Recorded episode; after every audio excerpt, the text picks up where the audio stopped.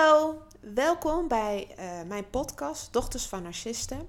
Mijn naam is Esther, ben getrouwd en heb zelf twee hele lieve meiden, één van 7 en één van 14. Ik deel mijn ervaringen over mijn narcistisch misbruik en over mijn eigen herstel. In deze aflevering, in hoeverre werkt narcistisch misbruik door in jouw eigen huidige gezin? Ik heb zelf CPTSS opgelopen door narcistisch misbruik van mijn moeder. Ik worstel zelf ook met codependency, maar ben hiervoor uh, al een tijdje in uh, behandeling. Want ik geloof, als jouw verleden doorwerkt in het heden, dan moet je er wat mee. Wat ik ook om me heen hoor, is dat vele slachtoffers bang zijn om zelf kinderen op de wereld te zetten. Vaak omdat ze bang zijn ja, om hun eigen trauma's te projecteren of ja, ze zijn bang voor hun eigen emoties. Uh, andere reden kan ook zijn omdat onze referentiekader van een gezin nou niet bepaald echt rooskleurig is. Dus we hebben geen gezond of mooi beeld van een liefdevolle, verzorgende ouders. Maar dit is wel ons vertrekpunt. Dus we zien het als uh, een gezin is verdeeld, je staat alleen, je moet voor jezelf zorgen en je bent nooit veilig. Maar ons zelfbeeld kan ook laag zijn, omdat wij er niks bij voor kunnen stellen om zelf een liefdevolle, uh, zorgende moeder eh, te, te, zijn. Daar kunnen we ons eigenlijk niet zoveel bij voorstellen. Wat, wat is dat dan? Nou, met zo'n achtergrond moet je wel heel hard werken om een liefdevolle, goede moeder te worden. Dat, tenminste, dat geloof ik zelf in ieder geval. Want ik geloof dat je in ieder geval in staat moet zijn om een stabiele, uh, stabiele basis van veiligheid en van balans uh, in liefde naar je kind, maar ook liefde onderling in je gezin en uh, stabiele zorg en gezonde ontwikkeling aan je kinderen moet kunnen geven. Tenminste, zo zie ik dat. Maar als je een ongezond beeld hebt meegekregen vanuit je narcistische ouder, dan is heel jouw gezin waaruit, waaruit jij komt, is daarmee besmet. Dus ieder lid van uh, ieder gezinslid uh, heeft een eigen rol, is als het ware een spiegel voor jouw narcistische ouder. En uh, jij moet ook in die rol blijven. Dus je, je, je kan niet denken van goh. Ik, uh, ik wil dit niet meer. Ik ga uit die rol stappen. mijn narcistische ouder die bekijkt het maar. ik ga nu mijn eigen gang. Ik ga het dus even op mijn eigen manier doen. Ah, ah, no way. Dat, je weet dat dat niet kan. En ook al denken wij als slachtoffer van, nou, ik ben de enige die gevangen is, dat is absoluut niet zo.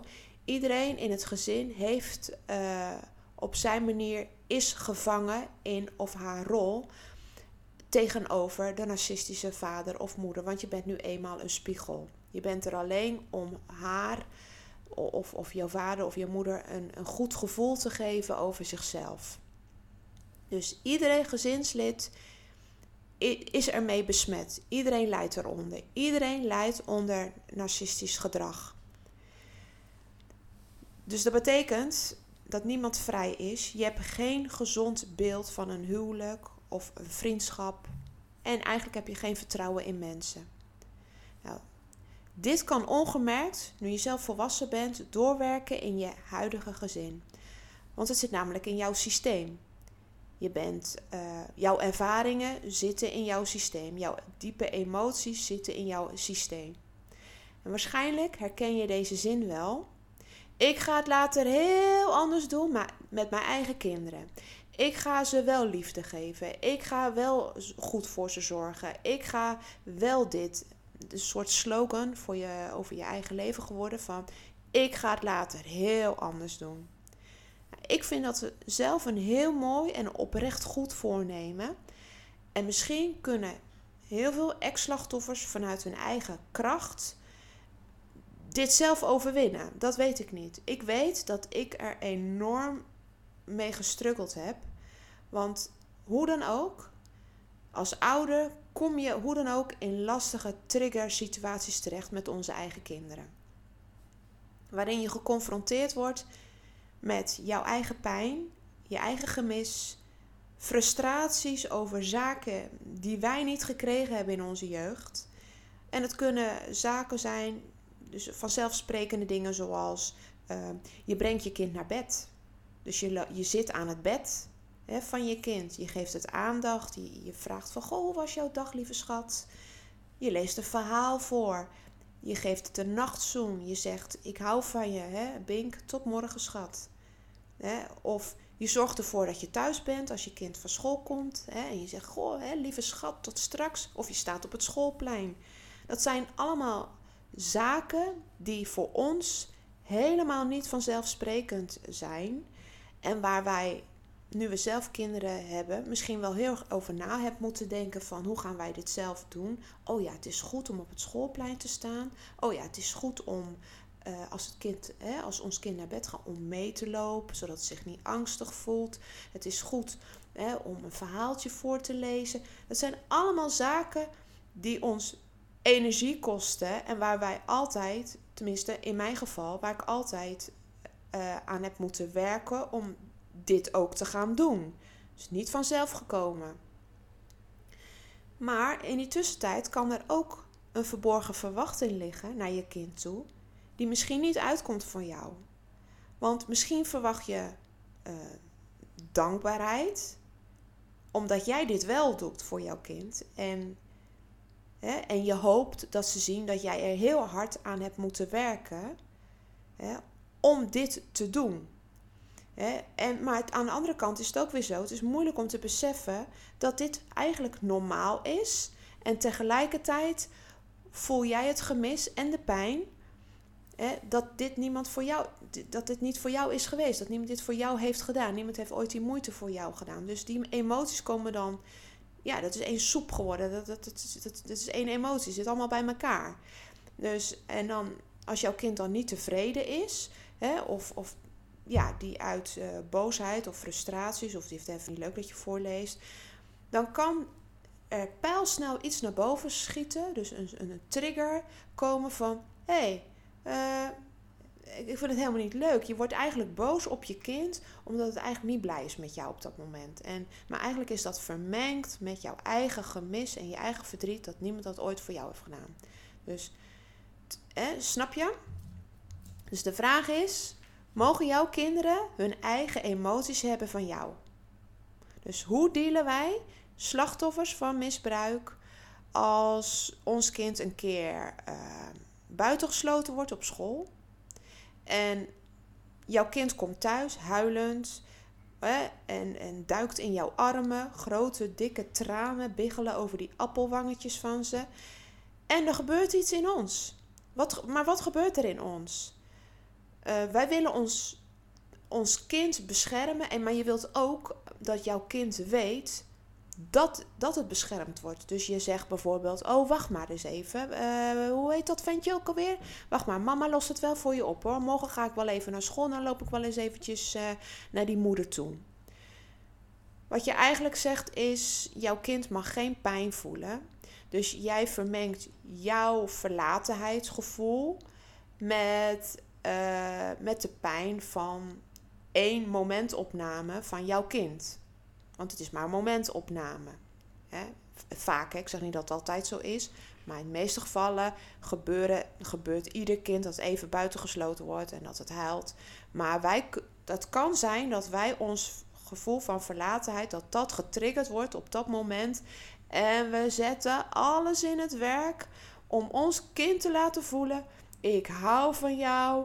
Er zal niemand ooit jouw pijn doen. Ik ben er voor jou. Snap je? Het is eigenlijk heel overdreven. Maar het is wel wat in ons zit. Wat kan in ons getriggerd worden.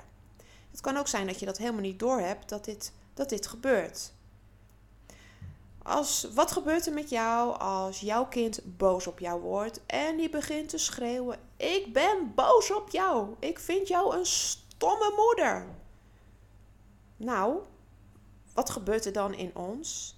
Willen we dit niet zien? Willen we het zo snel mogelijk de kop indrukken? Willen wij uh, de regie over, over, over jouw kind? Dus je stuurt het weg. Nou, sodemiet maar op naar je, naar je kamer, bij wijze van spreken. Want je wordt boos. Je, je, je, ja, je kan er eigenlijk helemaal niet tegen dat jouw kind boos is op jou. Want eigenlijk wordt er iets in jou getriggerd, zo van: ik doe het niet goed. wordt vermengd met teleurstelling. Mijn kind is in mij teleurgesteld. Dat mag niet, dat kan niet, dat kan ik niet verdragen. Want de link naar jouw narcistische ouder hè, was ook altijd teleurgesteld in jou, over jou. En je deed het volgens haar of hem ook nooit goed. Dat kan in een fractie van een seconde hup naar boven schieten en je kan buiten proporties boos worden op jouw kind. Dus je drukt het of de kop in. Je wilt niet die vervelende triggers of emoties voelen. Dus dan, dan druk je het de kop in. Dus je begint terug te schreeuwen. Je, je, dat je kind uh, zijn hoofd of zijn mond houdt en, en, en terugdeinst. Maar dat wil je eigenlijk ook niet. Voel je daar weer schuldig over, de achteraf. Je weet niet hoe je het goed moet maken, want er zit zo'n gigantische pijn in jouzelf. En uh, ja, hoe verklein je die afstand weer? Want je weet best wel dat je buiten proporties boos bent geworden op je kind. Hoe herstel je het vertrouwen weer? Val je in het gat, in een gat met jezelf, in het grote zwarte gat die wij kennen van zie je wel, ik heb het niet goed gedaan. Kan jij jezelf vergeven en daaruit opstaan en zeggen: Oké, ik heb het niet goed gedaan. Ik ga sorry zeggen. Ik ga sorry zeggen, want het was gewoon niet goed. Het was too much. Of misschien is het wel zo dat jij uh, heel snel vervelende emoties van jouw kinderen wil oplossen. Bijvoorbeeld verveling. Dat is ook wel een goeie. Dus je wilt niet dat je je kind verveelt. Want dat is een vervelende emoties. En ja, daar kan jij niks mee dat, vind je, dat, vind jij, dat, dat trek jij je persoonlijk aan. Vervelende emoties van jouw kind trek jij persoonlijk aan. Logisch, want wij hebben altijd in dienst gestaan van onze narcistische ouder. Dus wij moesten al dit soort emoties ook oplossen van onze narcistische ouder. Dus kan zijn dat dat getriggerd in jou wordt. Dus je gaat vanzelfsprekend zorgen voor dat, jij je kind, hè, dat jouw kind zich niet verveelt.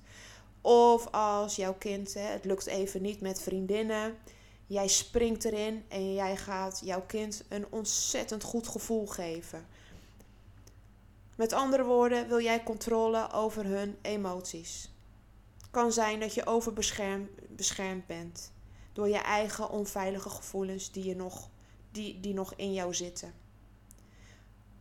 Of ben je juist overdreven complimenteus?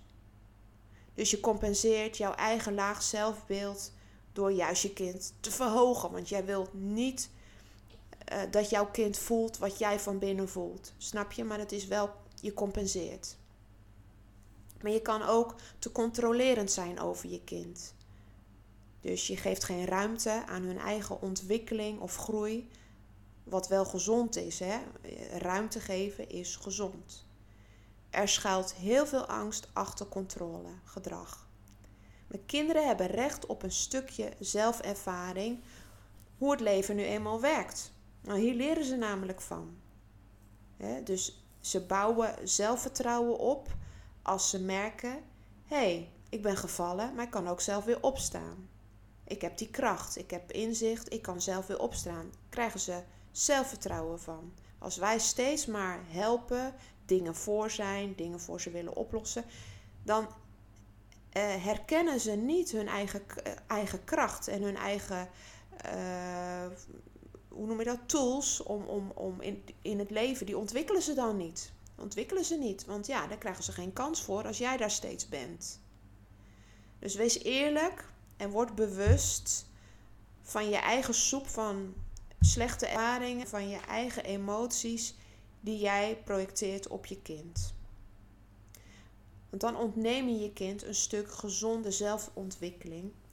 Maar je kind te vrij laten is weer het ander, andere uh, uiterste. Dus denken, uh, ik ben zelf zo streng opgevoed. Ik mocht helemaal niks van mijn ouders. Dus ik ga mijn eigen kinderen zoveel mogelijk ruimte geven. Of tenminste zoveel mogelijk vrij laten bedoel ik. Is ook een compensatie van je eigen gemis aan geborgenheid en liefdevolle zorg. Het is gewoon allemaal niet in balans. Dus vrijheid geven in de mate waarin het kind goed met vrijheid om kan gaan. Hè? Jouw kind kan wel goed misschien met vrijheid omgaan. Maar aan de andere kant, je kind is niet alleen in de wereld. Er komen mensen met verleidingen en gevaar. En met alcohol en met drugs en met sigaretten. En met allerlei andere soorten dingen die komen op hun pad. Dus jouw kind kan misschien wel met vrijheid omgaan, maar het staat niet alleen in de wereld. Al deze dingen komen namelijk gewoon op je pad. En jij moet het inzicht hebben in jouw kind. Is jouw kind op deze leeftijd in staat om hiermee om te gaan? Ken ik mijn kind in zoverre dat ik weet Ehm, nou, dan gaat ze dit doen, of dan doet hij dat, of uh, hij gaat het aan mij vertellen, of hij, hij gaat om mij hulp vragen, of ze zal dit niet doen, of ze is verstandig. Moet je allemaal weten. En in zover, in zoverre kan je dus, in die mate kan je dus die vrijheid geven. Nou, een goede moeder worden, in mijn geval, was echt niet vanzelfsprekend dat, dit, dat ik dit vanzelf zou worden. Ik heb het natuurlijk altijd wel willen zijn, maar ik moest het worden. Dat ga ik heel eerlijk zeggen. Ik heb er echt heel hard aan moeten werken, omdat ik heel veel dingen niet heb meegekregen vanuit mijn eigen gezin. Dus bijvoorbeeld, uh, wat is goede zorg? Wat emoties in goede balans? Wat is dat? Dus bijvoorbeeld, ik trok mij alles persoonlijk aan. Dus als mijn kind zei: uh, ik vind dit niet leuk. Oh, dan, dacht, dan hoorde ik, ze vindt mij niet leuk. Nou, dat is natuurlijk hartstikke vermoeiend. Niet alleen voor mij, maar ook voor, mij, voor, mij, voor mijn dochter is het ook super vermoeiend.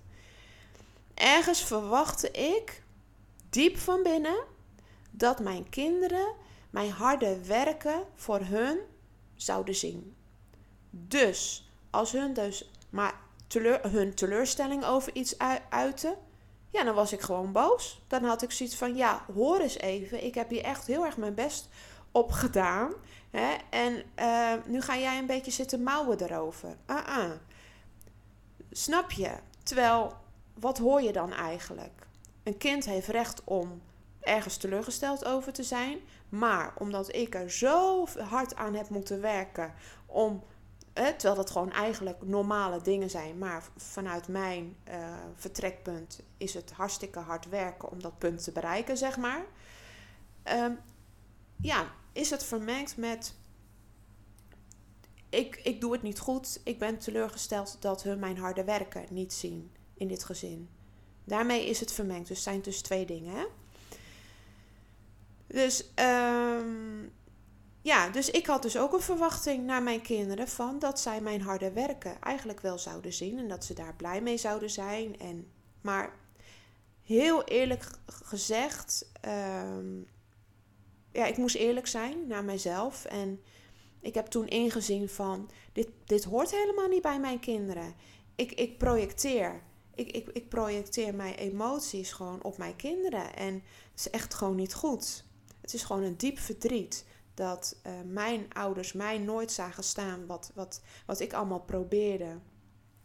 En dat komt even, uh, dat wordt getriggerd op het moment dat mijn kinderen even niet blij met mij zijn. Of dat ze het eten niet lekker vinden. Of, ja, of wat dan ook. Dan wordt, dan wordt dat getriggerd van, oh, oh, ik heb het zeker niet goed gedaan. Maar ik heb wel ontzettend mijn best gedaan. Of, uh, oh, ze zijn niet blij met mij word, word je ook getriggerd. Oh, dan hoor je weer, ze houdt niet van me.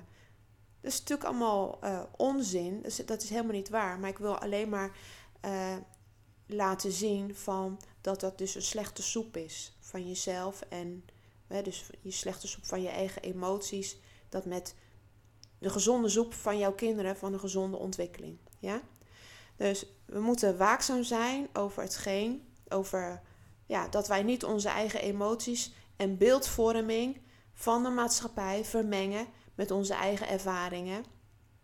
En dit doorgeven aan onze eigen kinderen. Want hun hebben eenmaal gelukkig niet deze ervaringen. Tenminste, de meeste kinderen. En dan praat ik over narcistische ouders. Ik, ik praat niet over narcistische. Um, uh, even kijken, narcistische partners. Daar heb ik het dus nu even niet over.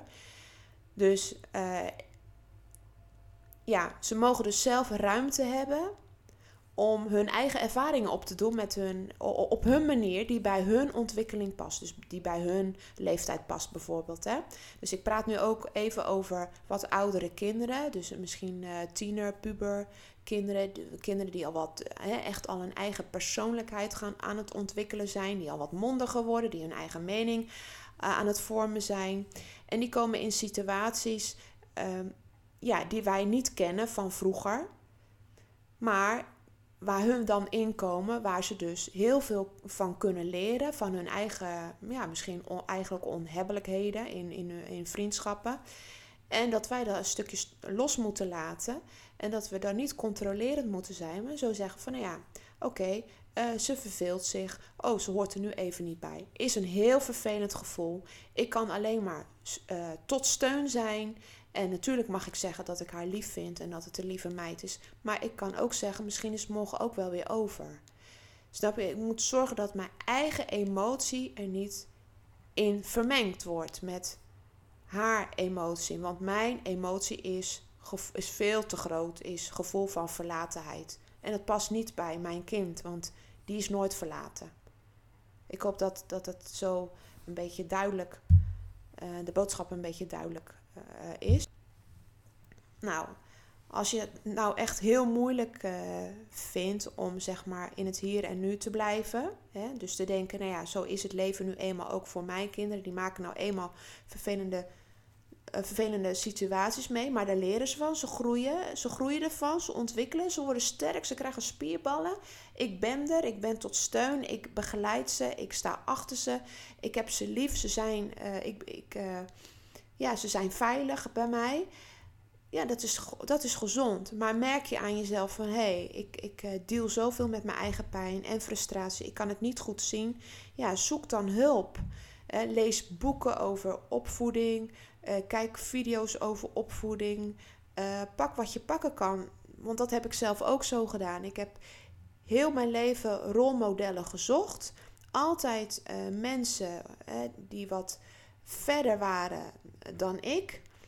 Die heb ik altijd, heb ik altijd in hun leven gekeken van hoe, hoe doen ze dit, hoe doen ze dat, kan ik van leren.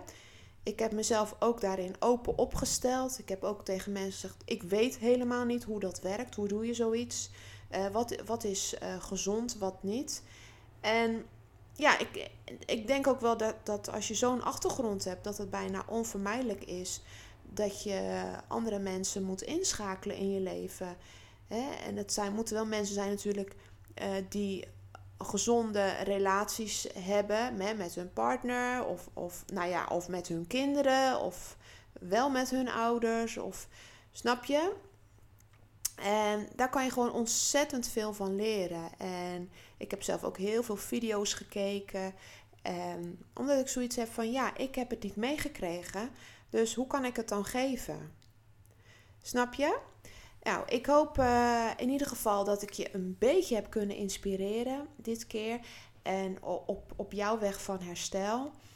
Uh, ik wens je veel moed en kracht toe. En ja, blijf doorwandelen. Uh, connect ook echt met lotgenoten. Dat gaat je goed doen. Maar begin ook te praten over, over jezelf. Begin te praten over jou, wat het met jou gedaan heeft. Want dat is echt nodig. Je, je kan jezelf daar echt van bevrijden. Hè, mijn bevrijding is ook uh, gekomen door ik, doordat ik eindelijk begon te praten over wat met mij is gebeurd. En dat heb ik inderdaad met professionele mensen gedaan. Want ja, mensen om me heen, ja, het, het is gewoon te bizar voor woorden wat wij hebben meegemaakt. Mensen trekken dat ook gewoon niet. En dat is ook een realiteit. En dat snap ik ook wel, want wat moeten ze zeggen? Uh, het is, dat is erg, maar ik heb het met professionele mensen gedaan waarvan ik wist, die kunnen dit verhaal gewoon aan. Die kunnen mijn verhaal aanhoren. Die gaan ook geen uh, dingen zeggen die ik moeilijk vind. Of die, die, die kunnen mij troosten op een bepaalde manier. Maar goed, in ieder geval uh, bedankt voor het luisteren. En ik hoop tot de volgende podcast. Ciao.